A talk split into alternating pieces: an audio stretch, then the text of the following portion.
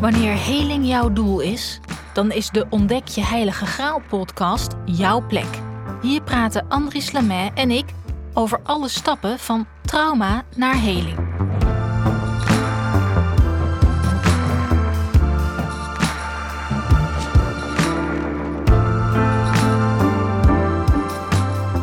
Welkom bij de Ontdek je Heilige Graal podcast. Uh, jij ook, Andries. Dankjewel. Ja, te gast in jouw podcast. of, of ben ik niet te gast? Nee, je bent niet te gast. We doen het samen, hè? Ja, we doen het echt samen, absoluut. Ik ben hartstikke blij dat we tegenover elkaar zitten. En dat jij uh, samen met mij deze podcast wil maken. Nou, dankjewel. Ja, ik, ik vind het een hele eer, moet ik zeggen. Ik weet hoe lang je bezig bent geweest met het boek. Want dat is eigenlijk uh, waar deze podcast van in het teken staat. Ontdek je heilige graal. Ja. En je wilde ook een podcast erbij maken. Misschien wel goed om dat meteen even uit te leggen. Wat is je, je doel daarmee? Ja, nou, ik coach best wel veel uh, mensen. En wat ik merk, uh, dat mensen die ook het boek lezen um, en die dan bij mij komen, toch nog wel een verdiepende vraag hebben op de theorie die in het boek staat. Um, ik denk dat het boek vrij concreet en uh, praktisch is. Maar iedereen heeft natuurlijk wel zijn eigen weg te gaan in het leven. En ik dacht, hoe leuk is het om daar samen met jou over te praten. Um, over de nog iets verdiependere lagen bij het boek.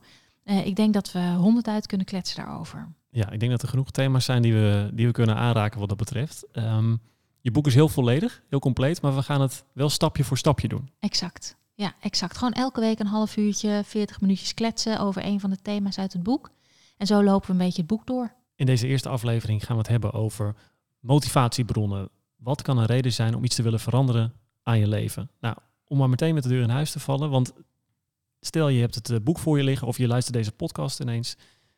Het is eigenlijk ook de vraag, waarom moet je naar deze podcast luisteren, Rianne? Ja. Nou, vertel. Nou, uh, A, je hoeft het helemaal niet te doen. Dus als je vindt dat je leven prima is, of misschien niet, maar je hebt geen zin, of je weet wel dat er van alles speelt, maar boeien, uh, schakel over naar iets anders, luister lekker uh, iets anders. Um, en lees Wat een ook, vrijheid. Ja, dat is gewoon het leven, toch? Ja. nee, maar stel dat je wel wil, maar niet weet, um, um, dan is het denk ik heel goed om uh, ofwel uh, ontdek jij legaal te lezen of te luisteren naar deze podcast, want daar gaan we het over hebben, ook vandaag. Um, je voelt dat er uh, iets knaagt of je voelt dat het eigenlijk helemaal niet goed zit. en wat zou dan een mooie eerste stap zijn? Daar gaan we het over hebben. En waarom wil je met mij deze podcast maken? Nou, ik vind jou sowieso een goede podcastmaker. Je bent een goede journalist. Uh, en je bent een goede vriend. Dus dat is uh, makkelijk zat.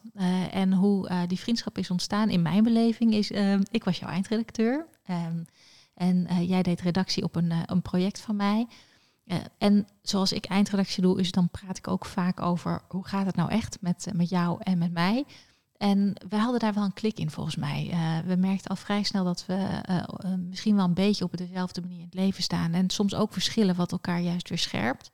Um, en van Lieverlee uh, kwamen daar mooie wandelingen bij en uh, spraakberichtjes over en weer. En dat is eigenlijk een beetje hoe wij onze vriendschap uh, hebben. Um, is dat we veel in de natuur wandelen en bijpraten en tussendoor af en toe een spraakberichtje doen. En ik geniet daar echt enorm van. En die, die spraakberichten, dat zijn soms ook halve podcast? ja, zo kan je wel beschouwen zo, hè Andries? Ja, um, en in die gesprekken ging het ook veel, in onze wandeling gaat het veel de afgelopen jaren over jouw eh, boek. Wat je aan het schrijven was, dat ligt er nu eindelijk. Zo mag ik het toch wel noemen, eindelijk. Ja, want het was echt een, een, een, behoorlijke, behoorlijke reis. Ja, acht jaar bijna. Ja, en ik had eigenlijk mezelf voorgenomen, want ik, ik was vroeger een beetje van snel, totdat ik bij tv kwam. En toen merkte ik, ja, alles gaat, duurt lang voordat je iets uh, moois gemaakt hebt. Dus ik ben het ambacht heel gaan waarderen. Toen dacht ik, nou, dan kan ik misschien vanuit uh, die uh, liefde voor ambacht ook wel gaan schrijven. Uh, ik gaf mezelf twee, drie jaar. Uh, vond ik heel genereus. en na die, wat was het, drie jaar of zo, toen dacht ik, nou, ik heb best een basis. Nu mag Siem het wel lezen. Dus toen liet ik hem iets lezen. En ik Wie is Siem? Oh ja, pardon. Siem is mijn geliefde. Mijn geliefde Siem. En hij is ook scenarist. Hij weet wel wat van veel van structuur en verhaalvertelling. Dus ik dacht, ja, als ik nou dit goede werk en hem laat lezen, dan gaat hij binnen een half uurtje heel enthousiast uh, mij omhelzen en zeggen: Wat een fantastisch boek. Um, en toen bleef het vier dagen stil. En dat was uh, voor ons beide vier uh, moe moeizame dagen. Want ik zat in spanning en Siem dacht: Ja, ja, ja, hoe ga ik eens terugkomen bij Rian? en toen kwam hij terug met de woorden: Ik snap wat je wil zeggen, maar het staat er nog niet. En ehm, dat was waar. Dus toen eh, moest ik weer aan de bak en heeft Siem me ook enorm mee geholpen. Hij is co-auteur van het boek. Uh, geworden. Uh, tegen wil en dank haast. Maar zo is het gelopen. Dus we hebben uiteindelijk samen het boek afgerond. En, dus sinds dat moment dat, dat Siem erbij betrokken is, hij zit hier ook aan tafel, zijn we alweer een, een paar jaar verder. Klopt. Dus alles bij elkaar hebben we bijna acht jaar gezeten aan het boek. Nou, dat, dat zegt misschien wel wat meer over. dat, dat is nog veelbelovender over de inhoud dan, want dan gaan we daar zo induiken. Vandaag in deze aflevering gaan we het hebben over waarom zou je iets aan je leven veranderen. Eén vraag nog daarvoor. Waarom heb je dit boek geschreven met, met trauma als ingang eigenlijk? Want er zijn heel veel uh, coaches, er zijn heel veel zelfhulpboeken, er zijn heel veel uh, manieren waarop je zeg maar, als op het gebied van bewustzijnsontwikkeling aan de slag kan. Maar jij kiest voor trauma. In mijn beleving uh, ligt trauma aan de grondslag van heel veel van wat we doen in ons dagelijks leven. Heel veel van wat we voelen, heel veel van wat we denken, hoe we handelen dat komt uh, op een onbewuste manier uh, regelmatig voort uit iets pijnlijks wat we niet hebben verwerkt.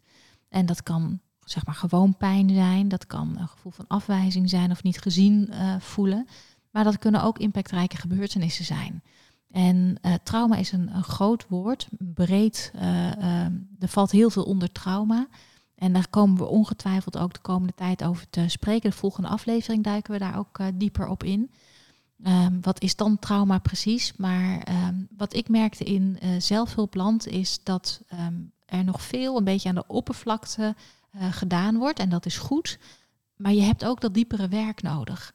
En daar zijn wel een aantal hele mooie wetenschappelijk geschreven boeken over. Wat meer theoretische boeken of uh, studieboeken. Maar niet iedereen kan of leest die boeken. Dus wat ik heel graag uh, wilde doen, is een heel toegankelijk boek maken. Voor, zowel voor mensen die al wel bekend zijn met dit thema, als mensen die er eigenlijk nog niet zoveel van af weten. Om op een hele praktische manier aan de slag te gaan uh, met je pijn en met hoe het leven nu loopt. Want daar moeten we het vaak een beetje uit puzzelen. En daarom heb ik ook een uh, werkboek erbij gemaakt. Uh, zodat je echt aan de slag kunt met voelen, met meditatieoefeningen, met schrijfoefeningen. meteen echt hands-on aan de slag.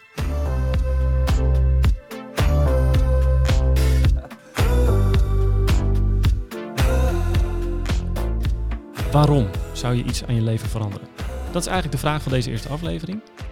We hebben nog helemaal niet gezegd, leuk dat je luistert. Ja, dat hoort er wel een beetje nou, bij. Ja, dat is helemaal leuk als je luistert. Absoluut. En meteen dus die vraag, waarom zou je iets willen veranderen? Ja, weet je, ik, ik kan twee grote motivaties bedenken. En daaronder hangen dan weer heel veel kleinere motivaties. Um, ik deel het een beetje op van um, als je leven helemaal koek en ei is, dan ga je daar natuurlijk niet zoveel aan doen. Want dan is het oké. Maar als je je heel erg ongelukkig voelt, dus als je voelt van ik kom niet echt vooruit, ik, ik, ik ga een beetje in cirkels heen en, weer, uh, dan weer wat beter en dan weer wat minder en dan een periode van rust en dan weer een periode van dat ik weinig voel of, of misschien zelfs wel depressief voel. Of ik weet heel concreet, mijn relatie zit niet goed of op mijn werk gaat het niet lekker. En dat zijn natuurlijk um, hele mooie momenten om te zeggen, ik ga daar iets mee doen. Ik ga aan de slag met wat ik in me draag.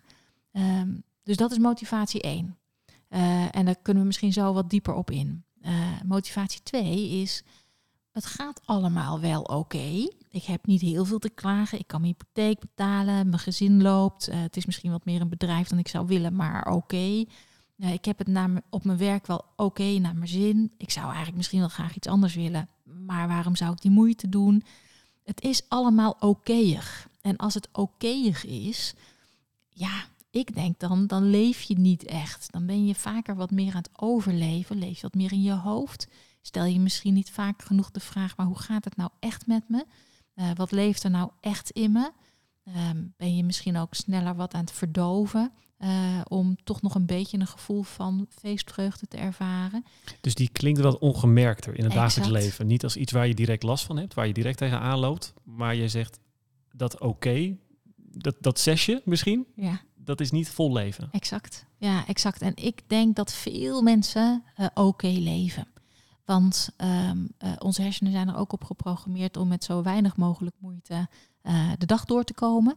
Um, en dus is een zesje misschien ook wel prima. Maar wat nou als we zeggen, ja, maar waarom zouden we genoegen nemen met dat zesje? Waarom gaan we niet voor een vol en kleurrijk leven? Ja, daar moet je wat voor doen. Ehm, maar dat geeft je ook snel inzicht en het wordt ook snel beter. Dus waarom niet? Laten we er even op inzoomen en daarbij de vraag beantwoorden: ehm, is dat eigenlijk, is dat eigenlijk oké? Als, je, als je genoegen neemt met het leven, wat gewoon in ieder geval draait, het functioneert, wat jij net allemaal opnoemt, hè, je gezin, je baan, het, het lukt allemaal. Is dat niet ook heel begrijpelijk? Ja. Dat, dat, dat dat genoeg is. Ja, het is heel begrijpelijk en ik denk ook dat ehm, de meeste van ons zo leven. Ehm, maar je geeft het ook door aan je omgeving. Uh, je geeft het door aan je kinderen, je geeft het door aan je geliefden. Um, het, het, zijpelt door in alles wat je doet. En ook dat is een onbewust proces heel vaak, waar we geen idee van hebben dat we dat doen. Uh, maar het gebeurt wel. En dat betekent dat even uitvergroot, uh, we ook dingen doorgeven die misschien echt niet zo gezond zijn of niet zo oké voor de ander. het niet goed kunnen uiten van emoties en gevoelens of kunnen zeggen ik hou van jou. Um, uh, sorry kunnen zeggen, verantwoordelijkheid kunnen nemen voor jouw gedrag. Um, maar ook de tijd nemen om naar je kind te luisteren of op je werk um, vol enthousiasme bezig te zijn. Ja, het is misschien, het allemaal geen, zijn geen grote dingen, maar het heeft wel impact. Ja, en in jouw boek maak je dan dus een onderscheid tussen die twee vormen. Je voelt je echt ongelukkig of je voelt je niet echt gelukkig. Dat is, dat is dit voorbeeld. Exact. Wat is er dan eigenlijk aan de hand als je dat probeert, uh, ja, probeert te doorzien? Wat, hoe kan dat eigenlijk, dat oké okay leven? Ja, wat we doen is, um, we hebben allemaal behoeften en verlangens. Um, uh, behoeften zijn um, dingen die, die heb je gewoon nodig in het leven. Heb je een paar voorbeelden? Ja, zeker. gezondheid, fysiek, mentaal. een gevoel van veiligheid, een gevoel van autonomie. Dus dat je zelf in staat bent om uh, keuzes te maken en dat dat oké is om die keuzes te maken. Um, je hebt behoefte aan uh, veilige grenzen, maar ook behoefte aan vrijheid. Nou, dat moet allemaal aanwezig zijn in je leven. Verbinding, liefde, dat zijn basisbehoeften. Uh, als Om, die, voor, waarvoor zijn het basisbehoeften? Voor een gezond, gelukkig en lang leven. Dus willen wij op een gezonde manier oud worden, zonder al te veel fysieke klachten. want alles wat in ons kopje gebeurt, uit zich uiteindelijk, als we daar niet naar luisteren, in ons lijf. Um, daar is heel veel onderzoek naar gedaan. Um, uh, Gabo Maté heeft daar ook heel veel over geschreven. Er is heel veel over bekend hoe, als we niet luisteren naar de signalen van uh, uh, ons mentale welzijn, we uiteindelijk lichamelijke klachten krijgen. En dat gaat ongemerkt. Dus ben je een keer 50 of 60, dan heb je opeens last van. Um, dat gebeurt niet van de een op de andere dag, maar ongemerkt sluipt dat er wel in. Dus als ik het goed begrijp, heb je het over behoeften die essentieel zijn, dat er aan voldaan wordt. Exact. Ja, en denk ook maar dat uh, uh, je in relatie X loop je tegen bepaalde dingen aan. Je denkt het ligt aan mijn relatie, ik stap eruit. Je begint uh, relatie Y. Nou, verdorie, na twee jaar heb je weer precies dezelfde issues. Dat komt vaak ook door die behoeften waar je niet naar luistert. Um, en je luistert er niet naar, want we hebben het over wat is er aan de hand op het moment dat je leven als een zesje voelt. Je bent niet echt gelukkig. Je zegt die behoeften die worden eigenlijk niet helemaal serieus genomen. Helemaal eens. Klopt. Ja, dat klopt. Ik heb dat zelf ook heel lang gedaan. Ik zat in een huwelijk wat uh, uh, nou, betiteld kan worden als geen gelukkig huwelijk. Um, en dat komt uh, grotendeels zodat ik niet luisterde naar wat ik nodig had in die relatie. Um, ik had behoefte aan verbinding en aan veiligheid en aan liefde en aan samen dingen kunnen ondernemen dat was niet aanwezig in mijn relatie.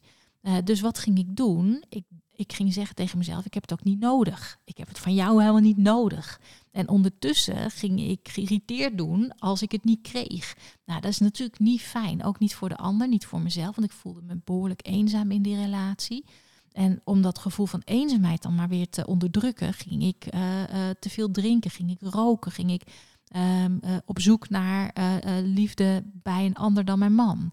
Ja, dat is niet handig in je relatie en dat is ook pijnlijk voor de ander. En uiteindelijk ook natuurlijk pijnlijk voor mezelf, want daar zit niet het geluk in en daar zit ook niet de vervulling van die behoefte in. Maar ik dacht, omdat ik daar zo lang mee leefde, ik heb het allemaal niet meer nodig, ik kan het allemaal wel zelf. Ja, en, en je maakt ook een onderscheid tussen behoeften en verlangens. Want ik, ik kan me voorstellen dat, dat je kan denken, ja, maar ehm, ik moet ook genoegen nemen met, zeker in een relatie is een mooi voorbeeld. Ja, sommige dingen die kan ik niet krijgen. En dat je het dan niet herkent als een behoefte, maar als een verlangen. Ja. Dat je iets anders zou willen van je partner, met je partner.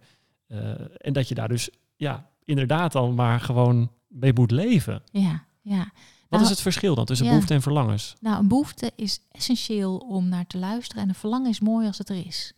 Ehm, en eh, voor een verlangen, om dat te kunnen bereiken, kun je ook doelen stellen. Dus daar kun je actie op ondernemen. Eh, in, hè, als, als we het hebben over relatie, kun je gaan praten met elkaar over wat zou ik heel graag willen.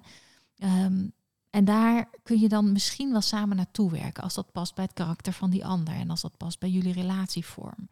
Maar een behoefte is zo essentieel dat als je daaraan voorbij gaat, je het op een of andere manier altijd terugziet in je leven, eh, dat je te lang zonder leeft. En met name eh, zie je dat terug in allerlei vormen van verslaving.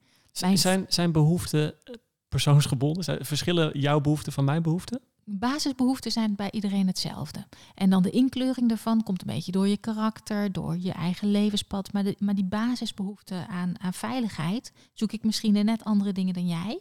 Maar we hebben allebei die behoefte aan veiligheid. We hebben allebei behoefte aan vrijheid. En als je te lang niet luistert naar die behoeften, dan kan het wel zo zijn dat jij zegt: Ja, Marianne, ik heb vooral behoefte aan vrijheid. Ja, dat komt omdat je misschien wel eh, luistert naar eh, een goede begrenzing, maar niet naar je behoefte aan veiligheid. Ik noem maar even iets. En als we dan teruggaan naar de vraag, waarom zou je iets aan je leven willen veranderen bij, bij, bij deze tak? Het niet helemaal gelukkig zijn, het gaat allemaal wel oké. Dan, dan zeg je dat kan je dus eigenlijk herkennen aan ook je gedrag. Exact. Exact. En dat is eh, het, ehm, het moeilijke aan eh, wat ik maar noem het, het, het zelf helen. Eh, is dat je niet meteen zicht hebt op al die onderliggende patronen. En daarom heb ik natuurlijk ook Ontdek jij legaal geschreven en praten we daar nu over. Om inzicht te gaan geven van maar wat ligt er nou onder mijn gedrag? Dus in je gedrag zie je bijvoorbeeld dat je eh, je partner de hele tijd wilt veranderen. Of dat je zelf heel erg je best gaat doen. Nou, jij zit te knikken. Ik weet niet op, op een van die twee dingen of dat een beetje resoneert ergens in een van je vorige relaties of waar je nu staat in het leven. Ja, nou ja dat, dat patroon inderdaad doorlopen. Dat je niet eh, de- de- uiteindelijk. Uiteindelijk moet je toch de blik naar binnen werpen. En niet alleen maar het aan het externe, aan de omstandigheden en aan de persoon met wie je op de bank zit. Want daar, ja, de, de, de volgende persoon, daar, daar loop je dan misschien soms tegen dezelfde dingen aan. Heb ik inderdaad zelf wel ervaren. Ja, Dus dat herken ik. ja, ja. Ja, en dat is ook makkelijk. Hè? Eh, dat is hoe we het doen. We denken het ligt aan werk, het ligt aan mijn partner, het ligt aan het leven, het ligt aan mijn gezondheid. eh, maar het helingswerk zul je toch zelf moeten doen. Eh, maar ook dus alle tools om gelukkig te kunnen zijn en om een rijk en vrij leven te leiden, liggen ook allemaal in jezelf. En dat is eigenlijk prachtig. Het enige wat je daarvoor nodig hebt is de moed eh, en de wil om daar iets mee te doen. Je bedoelt de, de, de moed, niet de mood, hè? Of, de, Klopt, de of, moed. of moet je ook De een beetje zin ja. hebben om het... Helpt misschien wel, Andries. Maar het ging inderdaad over moed, M-O-E-D. Oké, dus eh, dat is zeg maar voor de mensen die een oké leven leiden. Je noemde net ook een voorbeeld om iets aan je leven te veranderen. Stel dat je echt ongelukkig bent, dat je echt tegen dingen aanloopt, eh, waarbij je al gewoon heel ontevreden bent, misschien zelfs wel depressief Hmm. bent. Hmm. Wat is daar aan de hand? Ja. Ja, weet je, wij, stellen ons vaak bij depressie eh, iets ongelooflijk ingrijpends voor. En dat is het eigenlijk misschien ook wel.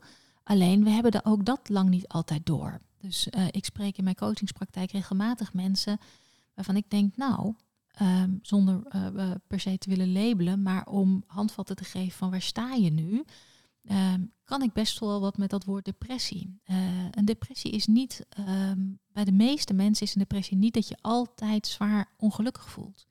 Maar in periodes wel. En in periodes voel je enorme leegte. Eh, dat als aan de buitenwereld eh, geen, is, als het daar geen feest is, of je, je kunt niet de ene cursus naar de andere cursus doen, of je hebt de ene mooie ontmoeting naar de ander. Als dat er allemaal niet is, of je, je scoort niet op je werk en je komt thuis eh, en daar is leegte, daar is weinig gevoel, daar is misschien het gevoel van ja, ik kom niet echt vooruit, of ik weet niet waar ik moet beginnen, of heeft het allemaal wel zin? Eh, wie zit er op mij te wachten? Eh, waarom zou ik iets van mezelf laten zien? Eh, kan ik dat allemaal wel? Ja, dat zijn allemaal gevoelens en gedachten die kunnen horen bij op zijn minst somberte. En ehm, op het moment dat die somberte steeds groter wordt, eh, dan kun je wel in een staat komen dat je zegt van ja, weet je, ik heb het allemaal wel geprobeerd, het werkt niet, ik doe het niet meer. Want ik heb er ook de energie niet meer voor. En je gaat steeds minder voelen, meer in je hoofd leven. Uh, veel meer gedachten vormen zich dan. Dus dit is echt wel een glijdende schaal. Exact, wordt, wordt eigenlijk niet automatisch beter.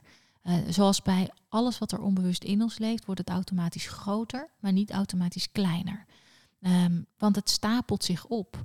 Uh, en met name ook door de jaren die verstrijken, heb je natuurlijk vaker de ervaring van ik heb het weer geprobeerd. Joh, ik ben tien sessies in therapie gegaan, maar nu zit ik hier weer. Of ik heb toch die mooie cursus gedaan en dat was toen toch fantastisch. Waarom hou ik het nou niet vast, dat gevoel? Uh, en dat komt omdat er dus in jou iets zit wat dat gevoel niet kan laten beklijven, omdat je uh, niet kunt voelen wie je ten volle bent met je pijn, uh, met de ellende die je aan te kijken hebt. Dus maar je ook zegt met alle iets, mooie iets- dingen. Iets, iets dieper liggenders nog. Ja. Want eh, dit voorbeeld zal het zo kunnen zijn dat je al wel iets aan je leven hebt willen veranderen. Je noemt ook het voorbeeld van mensen die al eh, bijvoorbeeld eh, in therapie zijn gegaan. Of die al juist hier Mm. heel erg een thema van maken en hier heel, heel veel mee bezig zijn. ja. Hoe kan je dan op dat moment jezelf nog motiveren om alsnog iets aan je leven te veranderen? Want dan betrek je het misschien ook wel heel erg op jezelf. Ik doe het niet goed genoeg. Ja, er ligt hier vaak heel veel onder. Eh, en daar gaan we de komende tijd regelmatig op terugkomen. Ehm, veel mensen die zich heel ongelukkig voelen, die hebben echt al wel iets gedaan. Die hebben al wel eens een boek gelezen. Die hebben al wel eens met een therapeut gepraat. Ehm, want veel mensen die, die niet die reis aangaan, die daar niet op zitten te wachten, ja, die blazen van de toren dat dat iets voor gekkies is en niet voor hen. Prima, je hoeft er niks mee te doen, weet je wel. Je hoeft eh, helemaal oké, ik ga niemand overtuigen dat ze op pad moeten. Maar op het moment dat je je heel ongelukkig voelt, heb je vaak al wel wat gedaan. Heb je al wel onderzoek gedaan. Maar kan je niet bij die kern komen. En dat heeft ve- veel al te maken met dat zowel eh, eh, mensen met een hulpvraag als psychologen, coaches en therapeuten het verrekt lastig vinden om daar te komen. Want we gaan liever de echte pijn en het echte ongemak uit de weg. Ehm, ter bescherming van onszelf of de ander. Nou, mijn filosofie is dat je juist daarheen moet. Je moet juist die pijn in de ogen kijken, want je bent sterk genoeg. Je hebt alleen de ervaring van vroeger dat het misschien niet lukte. Maar je groeit ook elke dag in wijsheid en in nieuwsgierigheid en in kracht. En als je dat weet eh, aan te spreken, en dat hoeft maar een heel klein beetje, het is alleen maar vandaag heb ik de moed om dit te doen, dan kun je die stap nemen. Maar je moet wel weten waar je het zoeken moet. En daarom, gelukkig zijn er met mij ook andere mensen die dit eh, werk doen. Maar in Ontdek jij legaal probeer ik daar natuurlijk te komen. Om dat uit te leggen en om dat te laten inzien. Be- Betekent dat dan ook dat als je wel degelijk ehm, eh, innerlijk werk doet, zoals het dan eh, vaak genoemd wordt, maar je nog steeds ja, eigenlijk somberder en somberder gaat voelen, dat het een teken kan zijn dat je vooral eigenlijk aan de, aan de oppervlakte wel ja, dat werk gedaan hebt, maar dat het toch, eh, en dat, dat is dan misschien ook waar trauma het verschil maakt, hè? echt Ja. een diep gewortelde eh, wond of een, een ja, Ja, weet je wat het is? Anders even een heel concreet voorbeeld uit mijn eigen leven. Ik ben seksueel misbruikt. Ehm, van zo'n soort trauma wordt vaak gezegd, daar kom je nooit van af. Ehm, misschien kun je het mijnenveld iets eh, minder mijnenvelderigs maken. Ja, ik geloof daar niet in. Dat is wat mij betreft echt geen oplossing. Je kunt een mijnenveld nooit minder eh, vol mijnen laten eh, zitten, want dan gaat er toch altijd weer eentje af waar je heel onverwacht op stapt. Dat is niet wat je wil. Eh, dus de enige oplossing is om je helemaal los te werken van dat seksueel misbruik. Daarvoor is nodig dat je snapt wat de gevolgen zijn. Daarvoor is nodig dat je snapt wat seksueel misbruik eigenlijk met je doet. Om je vervolgens daarvan los te kunnen maken. En hoe doe je dat losmaakwerk nou? Nou, dat is, eh, een hele, dat is dus een hele reis. Wat je maakt van het herkennen en het erkennen van waar je zit tot en met het accepteren. En uiteindelijk heb ik hele mooie losla loslaatoefeningen in het werkboek gemaakt. Ehm, dat zijn hele simpele meditaties, maar doordat je hersenen heel visueel ingesteld zijn, eh, visualiseer je dat je je losmaakt van bijvoorbeeld eh, in mijn geval hè, de energie van seksueel misbruik. Nou, we gaan even helemaal die, die ja en een in, maar- notendop heb je eventjes het hele boek eh, doorgewerkt. Daar, daar komen we nog aan toe de komen- komende exact, weken. Exact. Maar veel mensen zeggen, ja, maar hoe doe je dat dan? Nou, je doet het stap voor stap. Heel eenvoudig, maar je doet het wel. Dus als je het niet doet, dan kom je er ook niet van af. Waarmee dus het vooral gaat om zet nou die eerste stap. Waar we het vandaag over hebben. We beginnen bij de eerste. Depressie kan een voorbeeld zijn van eh, echt ongelukkig zijn en daardoor iets willen veranderen aan je leven. Je noemt in het boek ook weerstand. Ja, ja. weerstand hebben we allemaal. Eh, misschien wel een paar keer per dag. Uh, weerstand om de vaatwasser in te ruimen. Of weet je wel, we hebben gewoon niet zo'n zin. Het klinkt allemaal nog wel subtiel. is subtiel, maar zo subtiel is het vaak in het leven ook. Weet je, we hebben geen zin om naar groepstherapie te gaan. We hebben geen zin om stil te zitten als we iets voelen in ons lijf. Uh, is het geen zin of is het ook uh, angst of is het iets? Ik denk dat het, uh, dat het twee pootjes heeft. Het is geen zin en, en angst, precies dat. Ja. want we zijn heel erg bang dat we, met name als we grote dingen al lang niet hebben aangekeken, zijn we bang dat we het niet aankunnen. Of bang dat we overweldigd worden. Of bang dat het veel erger wordt dan dat het nu is. Dus wat doen we? Heel stevig die deksel op die put. zodat we dan denken dat we er controle op hebben. Maar Hoe ziet dat eruit? Niet zo. In, in ons gedrag, in de, in de praktijk? Hoe houden we die deksel op de put? Heel vaak door niet te voelen. Dus um, uh, zodra een gevoel geraakt wordt, uh, dan niet even tijd nemen voor dat gevoel van oké, ik voel me dus nu uh, plotseling heel eenzaam. Of ik voel me nu plotseling het kind dat niet gezien wordt. Of ik voel me nu ontzettend afgewezen. Wat een rotgevoel. van dat rotgevoel vluchten we heel vaak weg. Um, in iets leuks doen, een beloning, even op je Insta kijken of je een nieuwe volger erbij hebt of iemand je geliked heeft. Um, of uh, een wijntje of whatever. We vluchten ervan weg omdat we dat gevoel niet willen ervaren. Is dit ook waar verslavingen vaak ontstaan? Ja, ja dat is echt het, het ontkennen van wat er is. Dus het woord van een ontslaving is dat elke verslaafde zegt: ja, maar ik ben nog niet verslaafd, want ik drink alleen in het weekend. Um, uh, en uh, ik kan heus wel uh, een paar uur zonder mijn telefoon. Dus ik, ik ben nu bang bij alles, als ik moet lachen, dat je dan zegt: oh, dat herken je. Maar dat herken ik wel, ja. Nou, wil, wil je daar een concreet voorbeeld van noemen? bijvoorbeeld met, met, met mijn telefoon, met schermen, met uh, ja, eigenlijk de leegte waar je het ook al eerder over had. Misschien nog meer bij, bij depressie. Um, maar, maar ja, gewoon het niet willen voelen wat ik voel als er eventjes niets is. En, en dat gaat denk ik vaak over eenzaamheid of me alleen voelen. Uh, niet verbonden voelen, ook dus niet, niet met een ander, maar ook niet met mezelf. En dan, ja, dan is natuurlijk de telefoon een handige uitweg. Ja. Um, waar ja. ik nog steeds heel erg me worstel, ook al weet ik dit al heel erg lang. Waardoor, nou ja, wat ik eerder zei over je boek bij het lezen, dat ik dat twee maanden geleden heel anders ervaarde. Nu, nu zit ik bijvoorbeeld weer meer in zo'n, dat ik daar, dat ik daar telkens tegen aanloop. En dan denk ik, wat durf ik dan niet, wat kijk ik dan niet aan? Hmm. Dus er zit een weerstand. Ja, ja, dat is het. Ja, en dat, dat zeg je heel mooi en dat is ook heel begrijpelijk. Alleen zolang we luisteren naar ons weerstand, wat we heel vaak denken is, ik voel weerstand, oh, dat is een teken dat ik er niet iets mee moet. Want waarom zou ik anders weerstand voelen? Ik beweeg er van weg. Maar weerstand is een richtingaanwijzer. Is juist de richtingaanwijzer die zegt: ga daar maar heen. Beweeg er maar naartoe. Um, dus dat is een 180 graden andere benadering van weerstand. Um, een grappig voorbeeldje. Een vriendin van mij zei ooit: voor een een of andere baby shower gingen ze naar een shamaan en moesten ze in een vrouwen, met allemaal vrouwen in een cirkel zitten met de trom erbij. En dan ging hun vrouwelijkheid, werd bezongen en uh, geëerd. Prachtig ritueel, maar zij kreeg enorme kriebels van, dus zij is weggelopen. Uh, dat is weerstand. We denken, dit is voor mij onveilig, uh, irritant, uh, ze doen veel zweverig, ik ga hier weg. Terwijl weerstand eigenlijk zegt, oh dat is interessant. waarom heb je hier weerstand op? Wat is het dan dat jou triggert, dat je alles in je lijf zegt, ik wil hier weg? Want dat is precies de richting waar je heen moet bewegen. Dat is nou precies het moment dat je zegt, oh, geen zin, angstig, ik heb misschien helemaal niet de moed, maar ik doe het toch. Oké, ik ga voelen. Ik ga voelen wat zegt die weerstand maar nu. Wat voel ik in mijn lijf? Wat voel ik in mijn koppie? Wat ik zie er ook bijna bij glunderen. Want de, dus, dus jij zegt, nu ik dat herken, dat weerstand een richtingsaanwijzer is, dan is de kunst eigenlijk om daarbij te zijn. Maar je zal ook weten dat voordat je dat zo kon interpreteren, dat dat inderdaad gewoon iets vervelends was waar je vanaf wil. Heb je een soort, soort tip van hoe ga je daarmee om uh, in een situatie waarin je daar tegenaan loopt? Want dit is natuurlijk mooi als je er achteraf op terugblikt van, oh ja, dat, ik merkte toen weerstand en uh, ik wilde er eigenlijk misschien niet zijn, maar in het moment zelf is dat ook een soort turbulentie die dat geeft. Ja, enorm. En wat ik mezelf heb aangeleerd, en daar heb je, heb je een paar keer voor nodig. Uh, um, geef jezelf vier, vijf keer even tijd om daar te komen. Um, spreek met jezelf af. Elke keer dat ik die prikkeling voel van weerstand, je, iedereen herkent het meteen. Um, ik besluit om daar in dat moment meteen een rustige plek voor op te zoeken om te gaan luisteren naar wat het me wil vertellen. Al ben ik op mijn werk, al zit ik in de tram, al heb ik eh, een leuke televisieserie aan. Ik pauzeer en ik kom tot stilte en ik kom tot rust en ik ga kijken wat het me wil vertellen. Ik ga op onderzoek uit.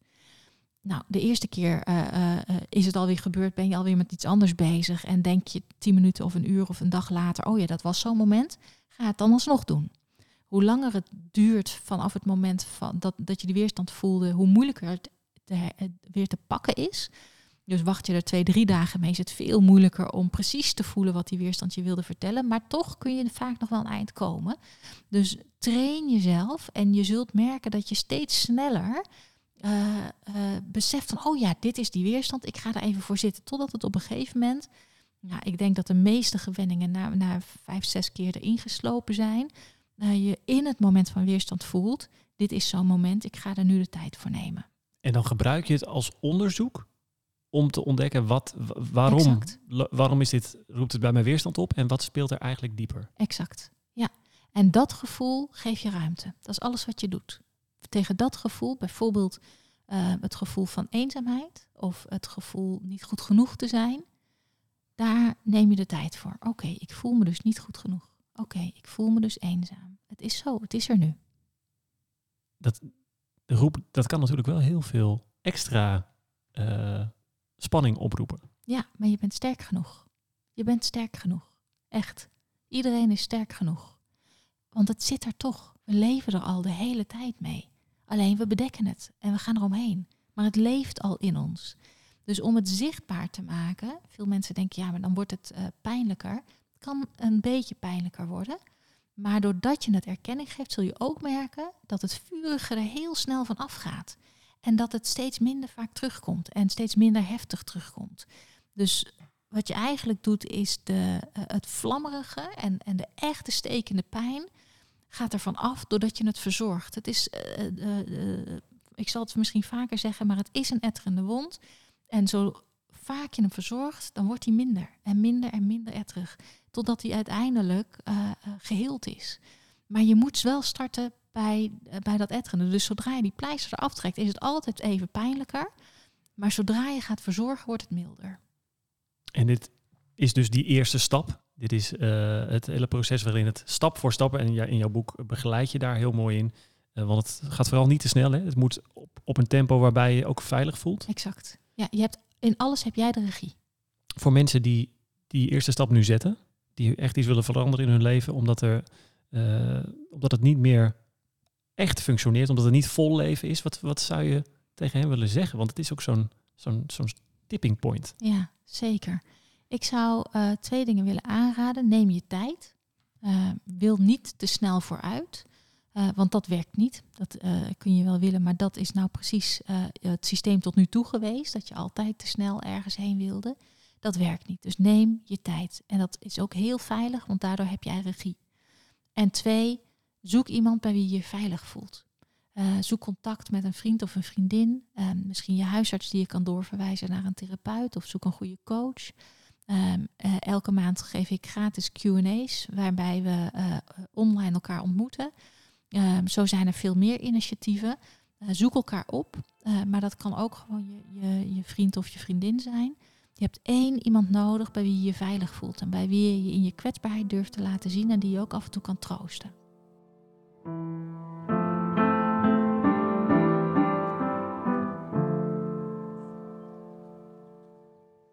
Nou, we hebben het gehad over eerste stappen. Dit was ook onze eerste stap in de podcast. Want we komen aan het einde van deze eerste aflevering. Hoe was die voor jou? Ja, mooi. Ik vond het uh, um, even wennen. Even voelen ook van... Um, uh, benoem ik het op de manier waarop jij het ook kan begrijpen. Want jij bent nu een beetje mijn, mijn referentie. En daarmee dus hoop ik ook de luisteraars. vertel het me ook vooral. Laat het ons weten wat je hiervan van vindt. Want daar leren we ook weer van. En hoe vond jij de eerste keer dan, Andries? Ook alweer een beetje spannend. Zoals alle nieuwe dingen. En als je het hebt over weerstand en over in het moment. Dat is misschien wel een mooi voorbeeld. Um, probeer in de dingen die ik doe vooral aanwezig te zijn. En ik merk dat als ik iets, als iets nieuw is en als het uh, misschien soms uh, uh, ervoor zorgt dat ik me afvraag van doe ik het allemaal wel goed? Want ik wil het ook heel graag goed doen. eh, dat ik er dan niet meer helemaal bij ben. Dus ik probeerde mezelf te voelen en mijn voet op de grond. En eh, Mooi. eh, toen kon ik er ook eh, meer van genieten. En ik vind het heel leuk om het met jou hierover te hebben. Dus ik eh, kijk uit naar eh, de rest van de serie. Ah, super tof. Top. Mooi. Hm. En volgende week, dat is misschien wel goed om vast aan te kondigen, dan gaan we het hebben over eh, de voedingsbodem van het overlevingssysteem. Oeh, dat klinkt meteen al wel als hogere wiskunde. Heb je een tipje van de sluier dat we de, dat ook iets behapbaarder maken? Ja, zeker. We gaan het hebben over pijn, trauma en overtuigingen. En dat is eigenlijk de voedingsbodem voor het gedrag waar je misschien eigenlijk wel vanaf zou willen. Dus daar eh, gaan we naar kijken de volgende keer. Mooi, ik kijk er naar uit. Ik ook. Ik vond het heel leuk.